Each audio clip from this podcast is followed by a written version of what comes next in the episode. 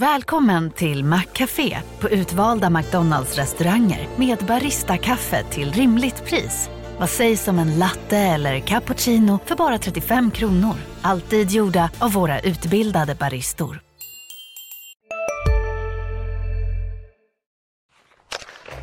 Tjena! Charlie Berglund här.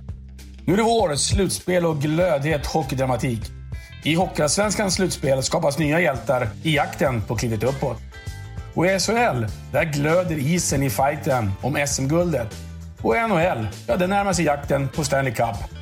På ATG.se finns ett brett utbud av spel på allt i alla matcher. Vem vinner? Med hur många mål? Och vem avgör? Det finns massor att välja på hos ATG.se. Du måste vara över 18 år för att få spela. Och eh, vid oro för spelproblem, besök storlinjen.se. Podplay. Härligt! Det är inte en ny hockeyvecka, utan det är ju veckans andra avsnitt av Sanny och Svensson. Det är torsdag morgon. Och ni har förmodligen, som vi har, du på plats Johan i Umeå och jag på plats i Karlstad, men vi har båda bevittnat finalserien i Hockeyallsvenskan. Börjas inte den pumpa upp, så säg! Nej men det är underbart. Nu, nu har vi fått lite hetta. Det, blir, det, det är lite efterspel efter matcherna och eh, det var någon anmälan som kom in här mot Rahimi och de går och stör sig oh. på Niklas Torp. Och, ja men det är härligt. Det är lite som en finalserie ska vara. Men du, vi är framme vid avsnittsnummer. Det går en rasande fart nu. 111. Och nummer 111, ja. Andreas Lind, han var ingen större poängmakare, men en riktigt bra defensiv back. Han gjorde hela 111 poäng på sina 577 hockeyallsvenska matcher med Södertälje-Hammarby, men främst i Västerås. Alexander Stens pappa, Thomas Sten, har i dåvarande elitserien 111 utvisningsminuter på 111 matcher. Och Inge Hammarström, 4 SM-guld och 111 mål med Brynäs. Jarmir Jagr, han spelade 1733 matcher i NHL och han gjorde på de matcherna 1921 poäng. Vad är det för poängsnitt? Jo, 1,11 per match. Jag tänkte, vad fan ska du hitta där nu på 111 med Jagger? För han har väl aldrig gjort någonting som är under 111. Men du hittar någonting där med snittet. Men 111 mil, det är det avståndet mellan finalarenorna, alltså Löfbergs arena och Coop Norrbotten Arena, eller Delfinen som jag säger.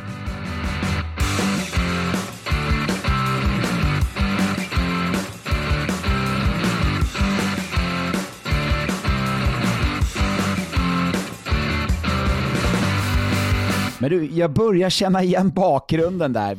För exakt en vecka sedan så satt vi och spelade in, jag hemma i Karlstad och du på Clarion Uman i Umeå eller? Ja men precis. Det, jag tror det är tredje gången jag checkar in på det här hotellet på två veckor, så jag börjar känna mig riktigt hemmastad här nu. Och jag måste ge en uh, shoutout till uh, receptionisten här som faktiskt sa att hon lyssnade på podden. Så att, uh, såklart. Härligt. Nej, hon var helt underbar förra veckan när, när hon hjälpte mig när jag hade min matförgiftning. Så att det, det var som en extra mamma jag fick här med receptionisten jag kände mig lite ensam. Ja men nu måste vi bara, du fick inte matförgiftning på hotellet va? Det, Nej det fick du... jag inte. Det fick jag inte. Det var en sushi i Umeå som jag, jag behöver inte ta upp stället men jag rekommenderar, Nej. ät inte sushi i Umeå. Åh jäklar. Ja, äh, du ska inte bli en influencer i alla fall. Du dissar ju Umeås breda sushiutbud. Men du, nu ska vi inte prata mat, utan vi ska prata hockey. Och du var på plats i Umeå. Jag, jag kan aldrig landa in vad den arenan heter. Alltså, det, det, det landar aldrig bra i min mun. Skycom Arena, eller Umeå Arena säger jag. Nej men ja. den, jag vet inte vad den heter överhuvudtaget. Vimpol men det är en, eller vad är det något sånt där va? Ja, Vimpos tror jag den heter. Vimpos. Men strunt samma vad den heter. Det är en härlig lada. Man får verkligen kalla det för en lada. När var du i den hallen senast egentligen? Du, jag spelade någon träningsmatch där med Timrå under OS-uppehållet 2006. Eh, då var vi mot, spelade mot där. Sen har jag stannat där och ätit lunch och tränat någon gång när jag spelade i Färjestad, när vi åkte från Övik upp till Luleå.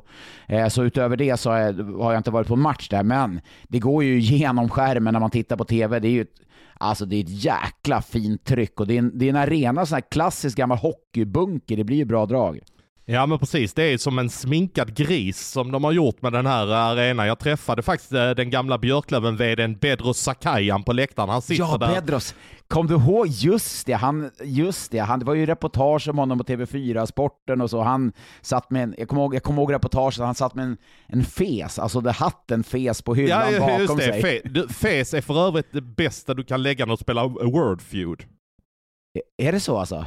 Ja, eh, F-E-Z, den ska man lägga där så att eh, Ja det är bra på, det är Wordfeud-knepet om man nu spelar det. Det kändes som vi, man spelade det för en sju, åtta år sedan känns det som. Men eh, jag träffade Bedros och han berättade lite grann om när han skulle sminka upp den eh, gamla arenan. Han gjorde ju gamla förrådet till eh, loger där man kunde sitta och de, det känns som de har maximerat det de kan göra med den. De har väl adderat någon, eh, något övre etage som eh, liksom ligger över, så man ser ju knappt över till andra sidan när man har det där övre etaget hängande över sig där på eh, pressläktaren. Så att det, ja, det är en riktigt härlig lada. Men du, matchen då? Eh, ta, eh, från din synvinkel när du satt där på pressläktaren och götta i dig med lite fika och allt. Eh, vad fick du se och vad var känslan? För jag får väl börja där. Jag får väl nästan be lite om ursäkt till alla som håller på Björklöven.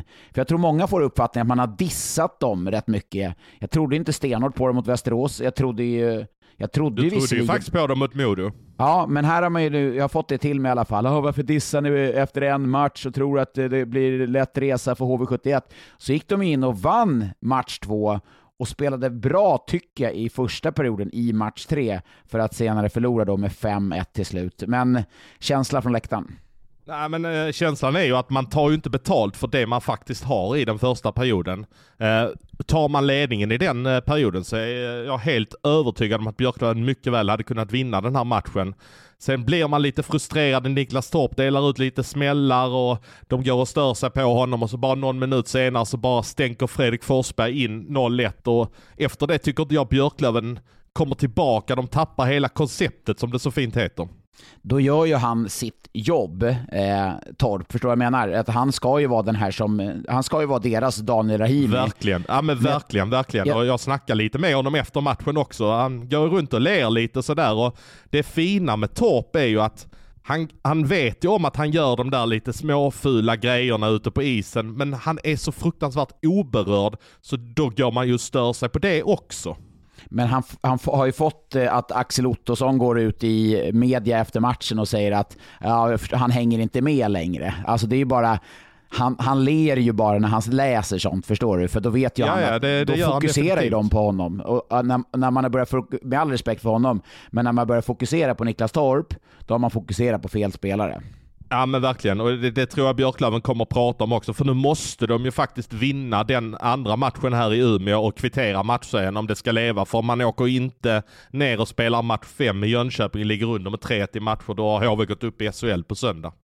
Men det har ju varit några omdiskuterade situationer. Om vi bara håller oss kvar med Torp, det var ju kanske ingen omdiskuterad, men när Rahimi kliver ner och tacklar Keller, en schysst tackling, kliver ner i fickan på sant Daniel Rahimi-vis. Rahimi ska åka därifrån. Då går han in och lägger en tackling på Rahimi. Alltså tacklingen i sig är ju ingen farlig, men det är en sån solklar interference i situationen och sen, sen, senare gör då Fredrik Forsberg 1-0. Då, då, då var det inte glatt på läktaren kan jag säga.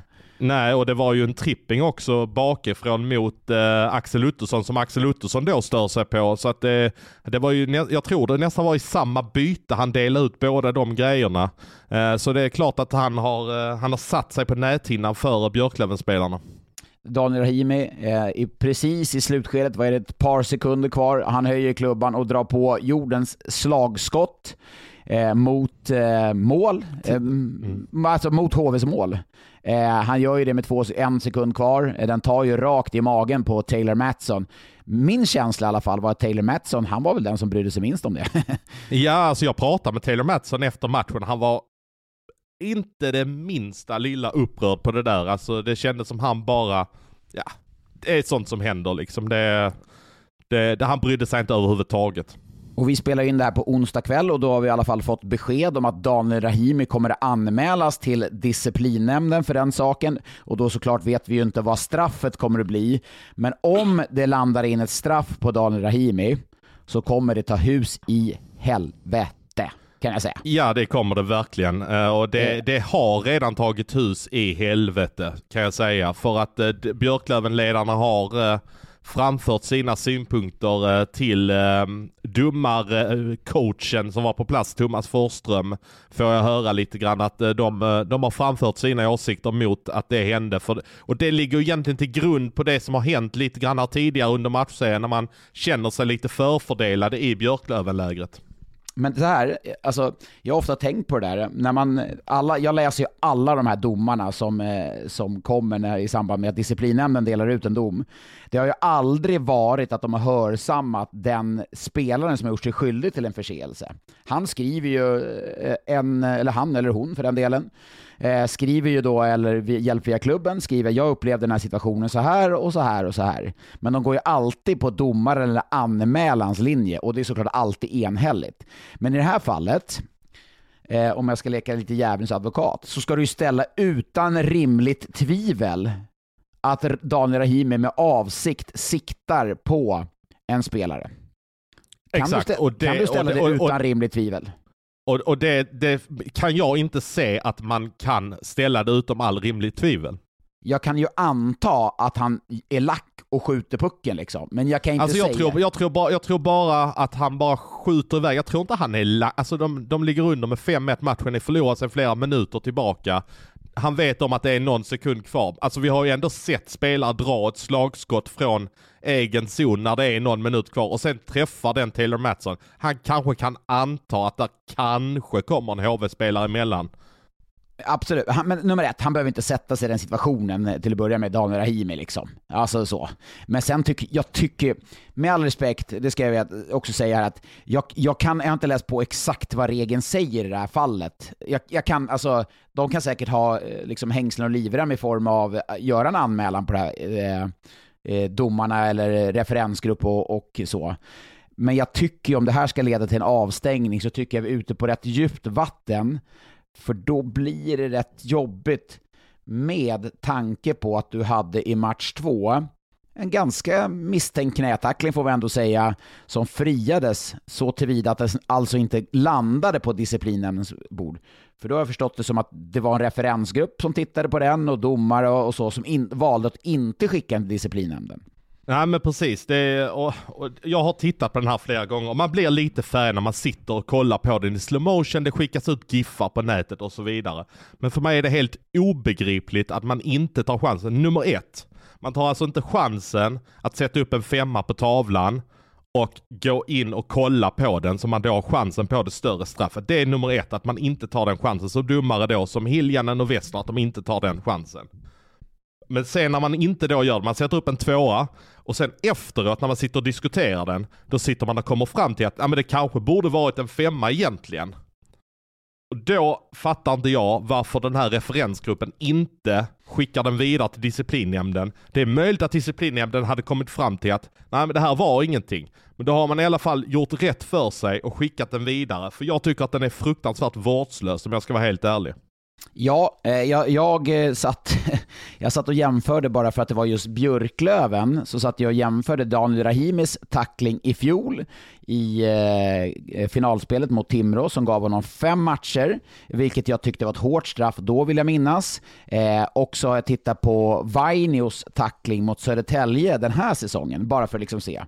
Det jag tycker i de fallen, det är att det är en tydligare att det är tydligare ute med knät.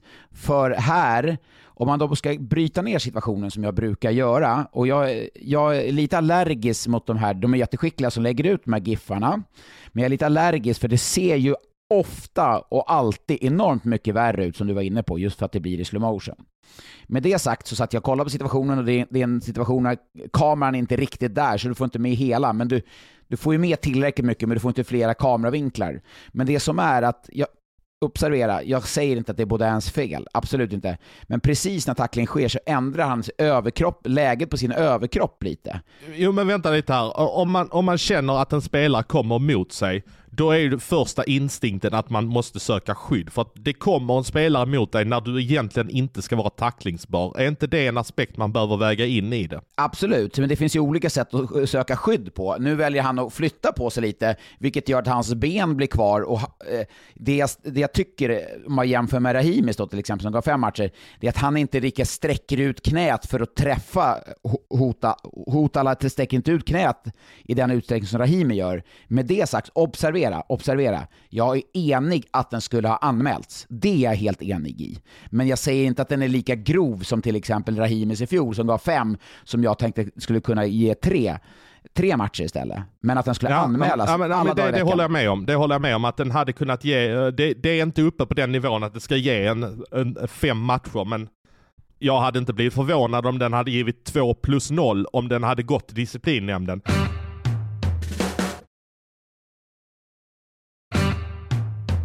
Man ska också tänka på att jag tycker att när jag tittar på den nu, att Huttala att det är ändå axeln som han försöker instinktivt träffa Exakt. på Bedouin. Så det är inte det att han söker ett ben. Men Bedouin är ju i en sån utsatt position eftersom han precis har slagit ifrån sig pucken. Och jag menar på att det är ju alldeles, det är ju late hit så det bara sjunger ja, om absolut. det. Vi har, och absolut vi har ju sett, vi har ju sett man har blivit avstängd för late hit tidigare. Så att därför menar jag på att jag tycker, jag tycker att det är för jävligt att den inte, är, att den inte blir anmäld nummer ett och sen att den då inte blev vidare. Och jag vet att det finns ganska höga folk, bland annat på SHL, som inte begriper någonting om hur den här inte kunde gå vidare. För de tycker att det, här handlar om spelarnas säkerhet. Ja, eh, och det, ju, det, blir ju... Och då tycker man ju ändå att när en referensgrupp, då borde det ju kunna landa in i Gör det enkelt då, förstår du vad jag menar? Anmäl, då har du liksom lagt den situationen. Sen kommer du alltid i matcher, du kommer kunna jämföra, bryta ut, precis som det är i heta matcher. Som det kommer bli i finalserien mellan Luleå och Färjestad. Det kommer jämföras, det kommer tittas hit och dit, men här hade man kunnat gjort det väldigt enkelt. Men nu har vi pratat om de här situationerna. Vad ser du framöver i den här matchserien då? Vi dömde väl båda ut eh, Björklöven ganska kraftigt i måndagens podd, då det stod 1-0 i matcher, att det var väl, ja, det var ett 4-0-läge. Vad känner du nu? Ja, nej, men alltså verkligen. Eh, jag känner som jag var inne på tidigare att Björklöven måste vinna hemmamatchen som kommer här nu. Så att skaffat sig ett 2-2 läge för då, då känns det som att då känner man själv att man är med i det. Man måste ju gå ut som man gjorde i den första perioden och verkligen ta betalt för det.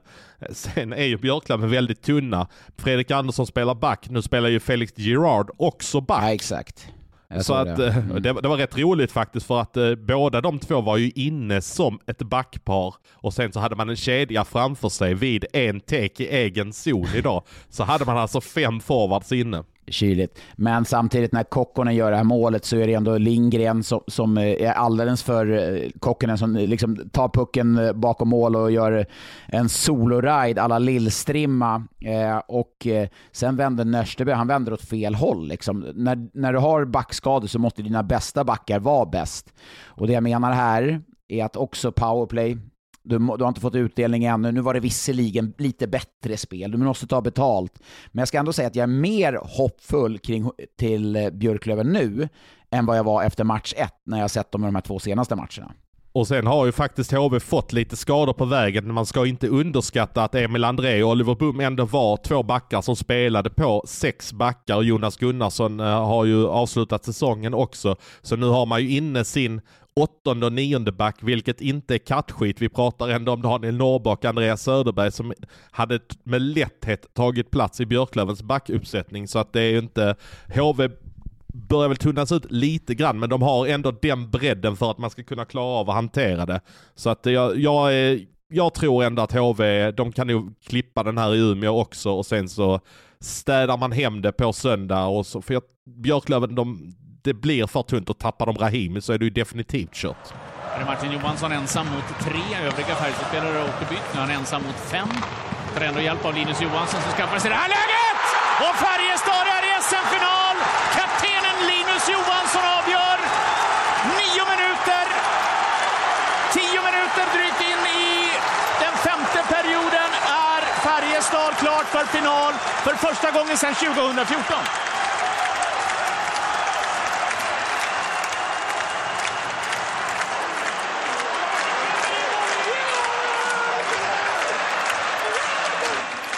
Ja, vi får gratulera Färjestad till SM-finalen som man kanske inte trodde när hösten eh, var som mörkast här i november. Nej, när hösten blev till vinter, vinter blev till tidig vår, så var det nog inte många som trodde det här. Och när slutspelet började så var jag, eh, jag har eh, trott på Skellefteå i kvartsfinalen mot Färjestad. Jag har trott på Rögle i semifinalen. jag vet inte, jag tror också på Luleå i finalen. Men eh, nej, skämt åsido, Färjestad har gjort det jättebra. Eh, som, ja, men jag, jag tycker att man har jag tycker inte att eh, Robert Olsson eller Cam Abbott har klarat av att ändra matchbilder mot Färjestad. Jag tycker att Thomas Mitell har coachat bort både eh, Robert Olsson och eh, Cam Abbott och det får väl vara ett, en enorm fjäder i hatten till Mitell. Mitell gick ju på väldigt kort om folk också i matchen här. Gick väl på tre kedjor stora delar av matchen. Ja, framförallt i sadden var det ju, i första sadden-perioden gjorde han det. Då, då hade ja, det är, ju det, nästa, det, är ju, det är ju stora delar av matchen. ja, exakt. Ja, men det var ju nästan hela första sadden-perioden där, var ju nästan ett långt anfall från Färjestads sida. Eh, och då matchade man ju tre femmer, eller tre kedjor. Sen i, i sadden så slängde man in fjärde och jag tror att det var första bytet som Martin Johansson ha, hade när han spelade fram Linus Johansson, som eh, gjorde det avgörande målet. Det kändes som när Linus bara klev in där att då var det bara, nu får det fasiken vara nog. Nu ska vi stänga där, precis som Svartvadet gjorde 2007 mot Timrå. Käften på det för fan. Nej, men alltså så, såg du räddningen som Rifalk gjorde strax innan då, i, i, i boxplay för Rögle på Joakim Nygård? Med knoppen där ja, det, ja, det var, det var, han, han skrattade det... lite åt det till och med efteråt, att det var ju, det kändes som det bara var en förlängning av lidandet sa han. Men tänk så här, eh, det var ju en match som Färjestad i, i mångt och mycket tycker jag dominerade. Ändå tar man inte då, som vi pratade om, att eh, Björklöven inte tog betalt för sin första period, så tog inte Färjestad betalt i, för stora delar av matchen. Eh, liksom ändå när Rögle gör då 3-3 och 4-3, har du, har du gått från så bra tryck till en så tyst hall någon gång? Allvarligt? Nej, ja, det, alltså, det, kanske det var, var, det, kanske var... Det var, tryck, det var tryck redan på uppvärmningen i, i hallen. Det var uh, helt sjukt. De satte ju inte ens igång musiken på uppvärmningen. Nej, det var faktiskt, det var faktiskt coolt. Jag vet att supportrarna där hade önskat det och det, det var ju bra. Men så gör... Vi är specialister på det vi gör, precis som du. Därför försäkrar vi på Swedea bara småföretag, som ditt. För oss är små företag alltid större än stora och vår företagsförsäkring anpassar sig helt efter firmans förutsättningar. Gå in på swedea.se företag och jämför själv. Hej, Synoptik här. Hos oss får du hjälp med att ta hand om din ögonhälsa.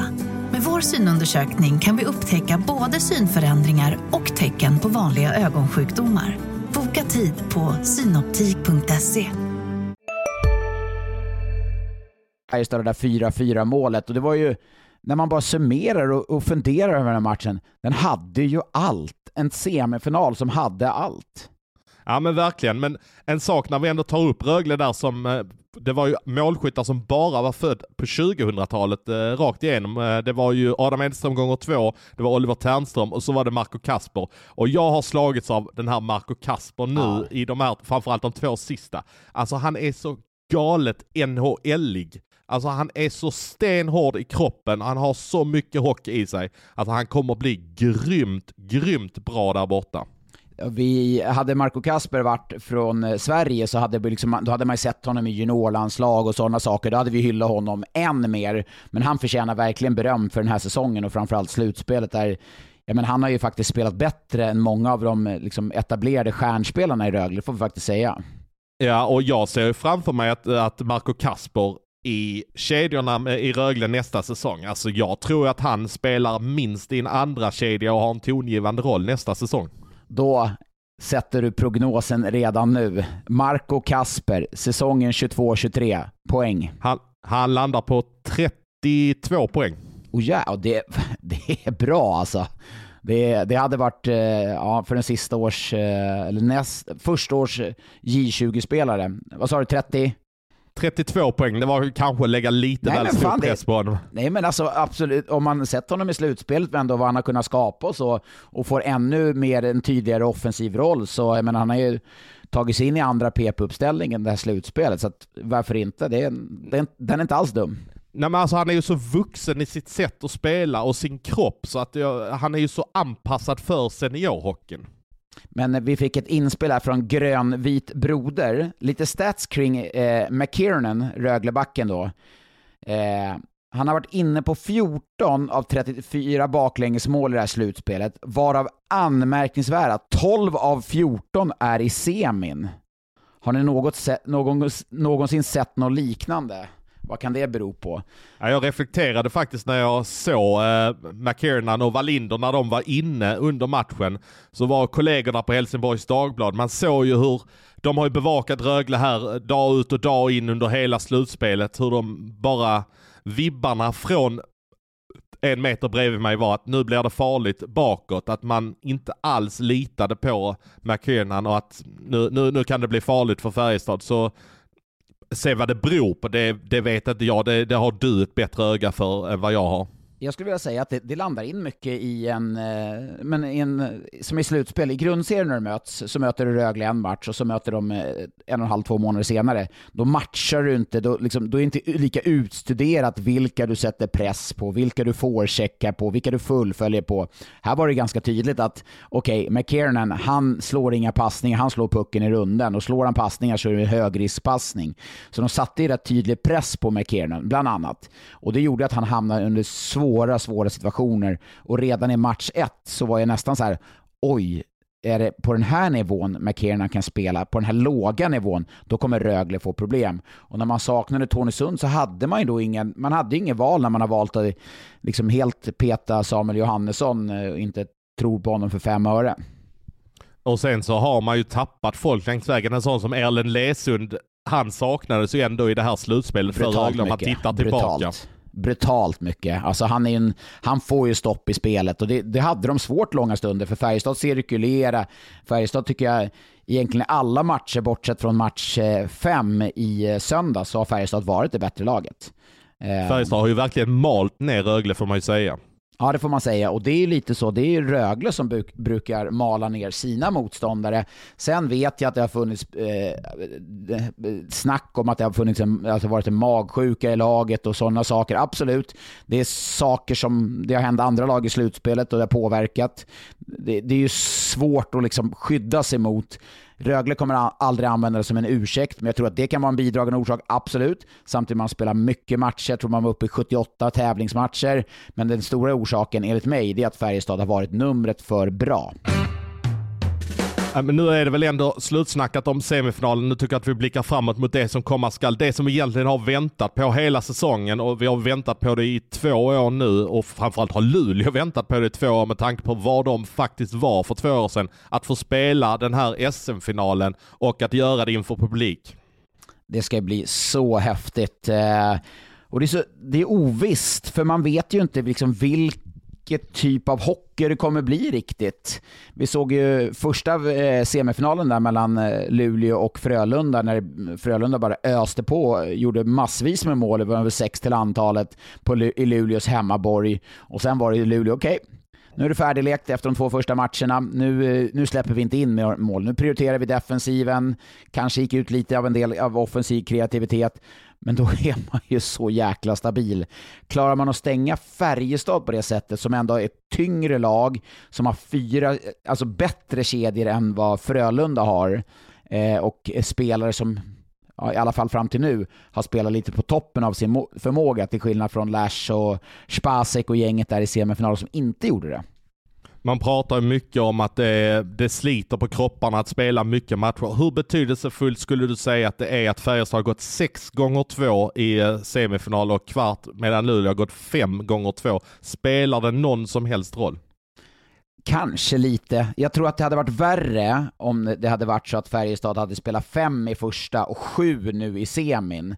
Just med tanke på att nu Eh, det blir ganska, första matcherna blir ju först lördag, sen har du måndag, tisdag. Så det blir tre matcher inom loppet av fyra dagar. Ja, nu... Stanna vidare, stanna vidare. Eh, du som ändå jobbar i tv-branschen, är det någonting som har tv har med att göra att det spelas på det sättet? Att man alltså, alltså först spelar lördag, sen spelar du måndag, tisdag och sen spelar du varannan dag. Men skulle det bli match 6 och 7, då spelar du alltså på måndagen och sen så ska du vänta till på torsdagen på att spela den avgörande sjunde i så fall. Nej, det, just det vet jag inte. Jag tror att eh, lördagar vet jag eh, är ju en TV4-dag. Den har man gjort till en TV4-dag. Det är väl det en anledning kanske till att man eh, dels inleder på en lördag och att man kör måndag, tisdag för att det blir torsdag och sen lördag. Så att man får de här två lördagsmatcherna. Nu blir det ju, vet i Karlstad är lite sura på att ja, då får Luleå två lördagsmatcher. Ja, kommer man före tabellen så får man ju den lite lyxen då i det här fallet. Men det är väl alltså, egentligen bra, alltså ur en alltså bortareseaspekt så är det väl perfekt att kunna åka två bortaresor. Vad tänker du, man får en lördagkväll i Luleå eller? Ja, det är väl inte helt fel. Nej, du har ju varit supporter där, så du har ju, du har ju haft några lördagar i Luleå kanske. Ja, det har väl du också. Vi hade ju en rätt trevlig lördag för ett gäng månader ja, sedan också absolut. i Luleå. Nej, men uh, Luleå är en trev, trevlig lördagsstad, det är det definitivt. Men uh, alltså, jag tror att det kan vara så. Sen vet jag inte varför det är måndag, match 6 måndag och uh, torsdag. Jag började fundera om det var Champions League i fotboll där tisdag och onsdag, men det är det ju inte. Då är man ju framme i finalspelet, så att jag tror inte att det är en faktor som styr heller. Kan, det kan jag inte svara på. Men vi viktar över lite till Luleå. Vi har pratat mer om Färjestad nu med tanke på att vi summerar deras semifinal. Vad känner du kring Luleå? Göra förutom att det är otroligt välförtjänt och liksom lite en revansch för eh, säsongen, coronasäsongen som ställdes in.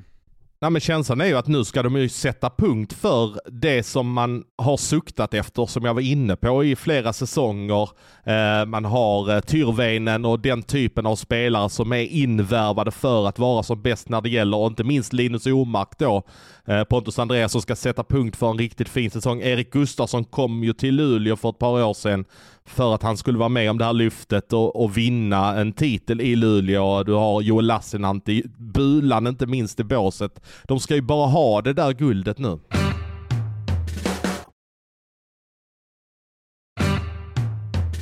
Ja, det är ju ett, eh, det är ett jäkla drömläge de sitter i, eh, måste jag säga. Jag, får ändå hävda att Färjestad har spelat jättebra, men de går in i, i, i, finalserien som favoriter. De är så konsekventa i sin defensiv, de har spetsspelare offensivt som levererar. Det kan ju också vara Färjestad tunga, eh, att centersidan framförallt kan de plocka bort och en, en Tyrväinen, en, en Omark och så. För plockar man bort Omark så plockar man ju mångt och mycket bort Pontus Andreasson också. Eh, men det kommer bli en häftig final. Men jag, jag vill ju ändå säga, jag har sagt det länge nu i den här podden för er som har orkat lyssna under säsongen, att Luleås högsta nivå, den är högre än vad det var den inställda coronasäsongen. Nu pratar jag lite grann om de spelare som kunde vara betydelsefulla i lagen. Eh, om du får plocka ut MVP-spelare, de som du kan se framför dig som leder laget, som är MVP här nu i finalserien. Vad ser du framför dig då? Oh, jag ser framför mig i Färjestad en Theodor Lennström som eh, en eh, MVP-kandidat, alltså Stefan Lieb Memorial Trophy, den eh, prestigefyllda priset som delas ut till den mest värdefulla spelaren. Jag ser Åsl... Nej, men jag fick en namn. Jag ska bara hålla mig med ett namn. Jag ska hålla mig med ett namn i varje lag. Eh, Theodor Lennström i Färjestad. Föga förvånande så säger jag Linus Omark, eh, givetvis, i Luleå. Du då? Äh, det är ju svårt att komma ifrån Linus Omark, men jag kan ju verkligen se en sån som Johanni Tyrväinen, att han är där och blir finalens stora profil. Men det är väl klart att Linus Omark är ju den som ska göra det för Luleå. Äh, det är, det är ju inget snack om det. Men jag kan också se en sån som Linus Johansson i Färjestad, att han, nu avgjorde han semifinalen, gör han en riktigt bra finalserie här nu och spelar på sitt absolut bästa sätt som han kan när han är som bäst, då kan jag också säga att han är en MVP också.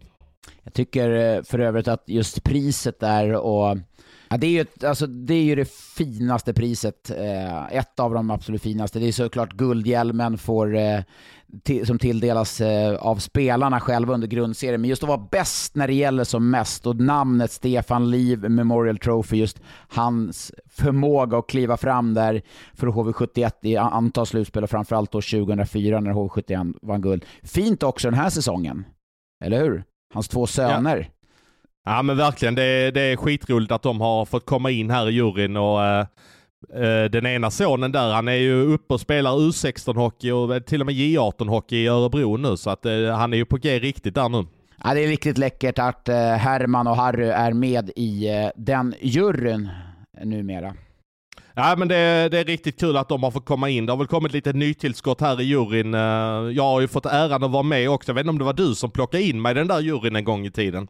Jo, det var det ju. Det här är ju ett pris som jag brinner väldigt mycket för. Jag ville ju redan få in det här, om det var 2004, inför lockout-säsongen där. Och jag presenterade det här för Tommy Töppel eh, då på Hockeyligan.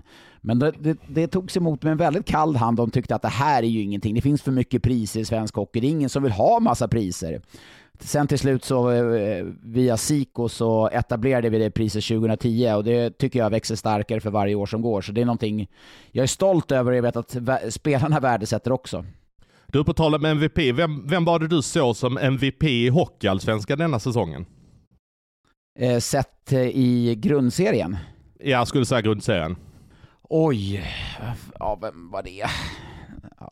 Alltså det, man tar ju alltid något lag som, som vinner där, men jag, jag lyfte ju fram Frycklund där till exempel tidigt under, eh, under grundserien, eller för halva där, att det var han. Men sen tycker jag inte att han kanske höll lika hög nivå, även om han var jävligt bra. Men han, han, han får väl ändå säga på rak arm där. Sen klart det finns några i HV och, och Modo och så vidare, men ja, Vigneault, Vigneault är såklart i eh, Modo jag var faktiskt helt övertygad om att du skulle svara en annan person nu faktiskt. Vem då? Jag, Vem då? Eh, Henrik Björklund. Ja, Björk, ja men det, vad fan, det var han, jag röstade ju på Björka ju. Han var ju MVP. Ja men exakt, det var det jag hade något svagt minne av. Att, du, ja, att du, man ja, glömmer såklart. bort Björka. Var, var, det för att han hade ett mindre bra slutspel eller vad, vad Kanske. Nej men eh, han var ju min, jag röstade på honom. Jag, jag fick ju äran att sitta i den juryn där i Hockeysvenskan och jag röstade på Björka som MVP. Så att det är klart att det är han. Ja, anledningen till att jag tar upp Björka är ju för att uh, Björka, nu är det dags. Nej, Nej, är det dags för? Det är dags att eh, kliva upp till SHL för Björklund nu. Nej, fy fan vad roligt. Jag vet att du brinner för Björka. Har, har ni spelat ihop eller? Ja, eh, när jag kom till Färjestad så var ju Björka junior. Och eh, han var, körde så in i bänken på, på uh, träningar och, och, så. Han, jag upplevde i alla fall första året när jag kom att han hade lite dålig självbild. Sen formades han i då eh, Karlskoga, var utlånad, kom tillbaka till Färjestad och sådär. Men jag började gilla honom mer och mer för varje liksom, eh, år eller säsong som gick. Det var en jäkla karaktär. Jag såg att det här kan, får han bara rätt verktyg och förtroende så kan han bli riktigt bra. Sen trodde jag att hans resa till SHL skulle gå snabbare. Men nu, nu vill jag veta såklart vad det är. Och observera, ibland kan ju folk tro så här, ah, men nu, ni vet ju redan så här. Det här har du överraskat mig med. Jag hade faktiskt ingen aning om det här. Men nu vill jag veta vilken klubb det är. Ja, han ska tillbaka till Färjestad, så det, det är inte roligare än så, ja, men, men, eh, det är Färjestad han ska till. Det, alltså det är väl jävligt roligt? Ja men alltså, det är det ju. Alltså, och, eh, alltså jag menar det är ju en klubb han brinner för och har spelat för. Han bor i Karlstad och med tanke på hur Björklund ändå var i Modo, han var ju grymt uppskattad eh, i en checking line i Modo. Han gjorde ett grymt bra jobb där, så att eh, jag tror att det är något liknande som Färjestad kan se honom eh, som i en, i en grundposition från början av säsongen. Men tror du det här betyder då att en sån som Daniel Wiksten, att han kanske med sin klausul hoppar på ett avtal i Schweiz då till exempel? Eller är det här en liksom krydda till Wiksten, till Linkvist? Ja, alltså det, det, vet man ju inte. Där finns väl ett antal kontrakt som löper ut i Färjestad också, så att eh, man har väl ändå de flesta spetsspelarna på avtal. Den som försvinner är ju Delaros, men han är ju center. Rydahl är ju center. Han riskerar väl att försvinna till NHL, men eh, där finns väl några andra som har utgående avtal i truppen lite längre ner i laget. Eh, Björka vann för alltid min respekt. Eh, 2011 när jag var med i Färjestad och vann guld så var ju Björka då, hade varit i Karlskoga men liksom hade kontrakt med Färjestad så. Eh, då var det, eh, skulle vi tas emot på torget och då Färjestad bjöd ju med alla som hade kontakt, kontrakt, de här unga spelarna. Och då sa Björke att eh, jag tänker inte gå upp på, scenen på torget. Jag, jag har fan inte vunnit SM-guld. Jag ska gå upp där när jag vinner SM-guld.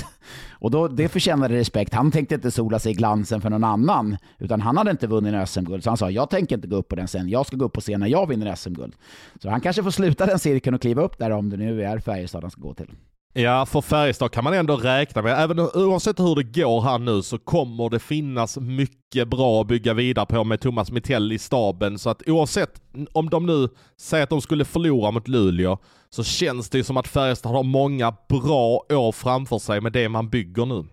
Ja, det, så är det ju. Och det har ju svängt ganska snabbt nu eftersom eh, Mitell har kommit in och liksom med Rickard Wallin och, och Erik Wildroth, de har ju byggt något, något nytt och fräscht igen. Och där vill jag ändå säga att nu, eh, alltså Peter Jakobsson fick skit när han lämnade och Penneborn, men de har ju varit med och byggt upp det som de andra nu bygger vidare på. Det ska man ju också faktiskt eh, lyfta fram i det här läget när Färjestad ändå tagit sig till final.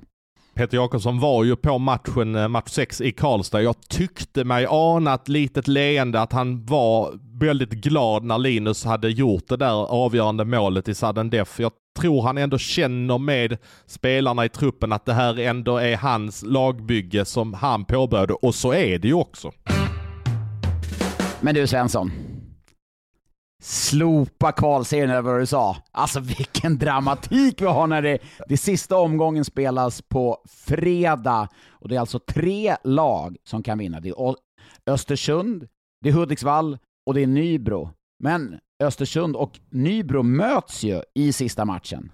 Ja, och det talar ju lite grann faktiskt för eh, Hudiksvall som kommer att möta Halmstad eh, på bortaplan. Tror jag att de möter Halmstad i sist. Nej, de möter dem till och med hemma. Exakt. Eh, så att Hud så Hudik kommer ju, de kommer ju att vinna matchen av allt att döma. Sen blir, har det lite grann att göra med eh, vad som kommer hända där nere i Nybro. Eh, säg att Hudik går upp till tidig ledning, då känner ju Nybro att de har absolut ingenting och då tror jag att motivation kommer att slå. Nybro är ett väldigt svårslaget lag ska man ju veta, framförallt på hemmaplan. Så det är ju ingen match som Östersund åker ner och vinner bara sådär. Men skulle Hudik gå upp i tidig ledning och, och Nybro känner det så kommer de nog tappa ett par procent. Nu märker du att jag sitter här och hoppas på ett scenario för Östersund nej, nej. eller? Nej, nej, nej det, du, du vill ju ha din re, lätt resa från din äh, lyxlägenhet i Åre till Östersund. ja, jag. lyxlägenhet var ordet ja. Nej, men jag, jag, jag tror att det kommer bli väldigt beroende, för Hudik kommer vinna matchen och sen är, beror det lite grann på hur det ser ut. För är det tidig ledning för Hudik, då, då tappar Nybro det. Det tror jag i alla fall. Ja, nej, men det är, det är ändå roligt. Vi, vi, var väl, eller du var väl tidig att döma ut den och så kan det ju gå, men det har ändå blivit ett, ett race med tre lag där, vilket är härligt. Och den avgörs på fredag. Alltså du kommer inte bevaka Dalen-Väsby, du som ändå brinner för den här kvalserien då? Eh, jo, det kommer jag göra. Jag kör eh, second screen som det heter. Så att, eh, det kommer jag definitivt göra. Det är ju det är ändå en viktig match. ja, Pelle Gustafsson tycker säkert att den, eh, det är viktigt att avsluta snyggt där i Norra Hammar. Visste du för övrigt att eh, stolarna som är där i Norra Hammar, i, jag vet inte ens vad hallen heter, jag har faktiskt aldrig varit där, men det är de gamla stolarna från Roselundshallen eh, i Jönköping vackert, som man har vackert. satt där ute i Norra Hammar. Det är ju vackert ändå. Ja det är det ju. Alltså de här gula stolarna. Spelade du någon gång i gamla Rosenlundshallen? Aldrig, aldrig. Jag vet att det var bra drag där. Min pappa som är, var materialare i 37 år under, eller i Huddinge, han sa alltid att eh, hans favoritarena var just Rosenlundshallen för att det var sånt jäkla tryck där. Ja det var det. Och tryck kommer det även vara på lördag i Luleå och det kommer vara tryck i Umeå och det kommer vara tryck i Jönköping. Alltså jag undrar hur sent vi kommer spela in den här podden om det är så att HV går upp på söndag. Ska vi lägga en liten brasklapp ändå att det Nej, kan inga bli... brasklappar. Nej, inga jävla brasklappar. Podden ska vi, spelas så vi, in på... Så vi, vi kommer kräva att vår klippare ska gå in och klippa mitt i natten efter att jag har jobbat klart i Jönköping, om det är så att de går upp alltså. Klippa det som klippas ska. Eh, om Lars Lindberg vill gå ut och gå med hunden må måndag morgon klockan sex så ska han ha en podd i lurarna. Ja, det håller jag med om. Det, vi får se vad det tar vägen här i Jönköping. Ni, får hålla, ni får hålla utkik på kanalerna. Men du, tack till intro i spel från Kenneth Forsström, Oskar, Martin F och Rickard Ljung. Och jag ska dra en liten bonus på 111 här. Det här fick jag inskickat från en som heter Viktor Eriksson. Färjestads eh, pojkar 87, de har morgonträning på Hockeyhögstadiet med Kjell Dahlin som tränare. Erik Stenekas, en spelare då, han kommer för sent, vilket då gör Kjell upprörd. Och han delar ut ett straff att de får åka 111 högervarv. ja, det är helt underbart. Jag såg faktiskt eh, Kjell på matchen här i eh, Karlstad häromdagen. Han satt där uppe.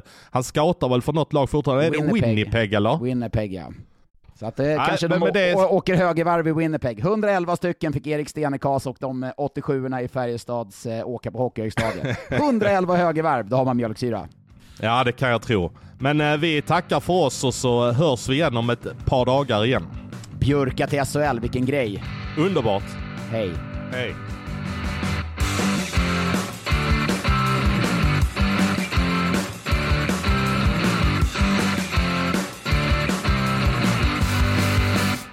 Du har lyssnat på en podcast från Expressen. Ansvarig utgivare Klas Granström.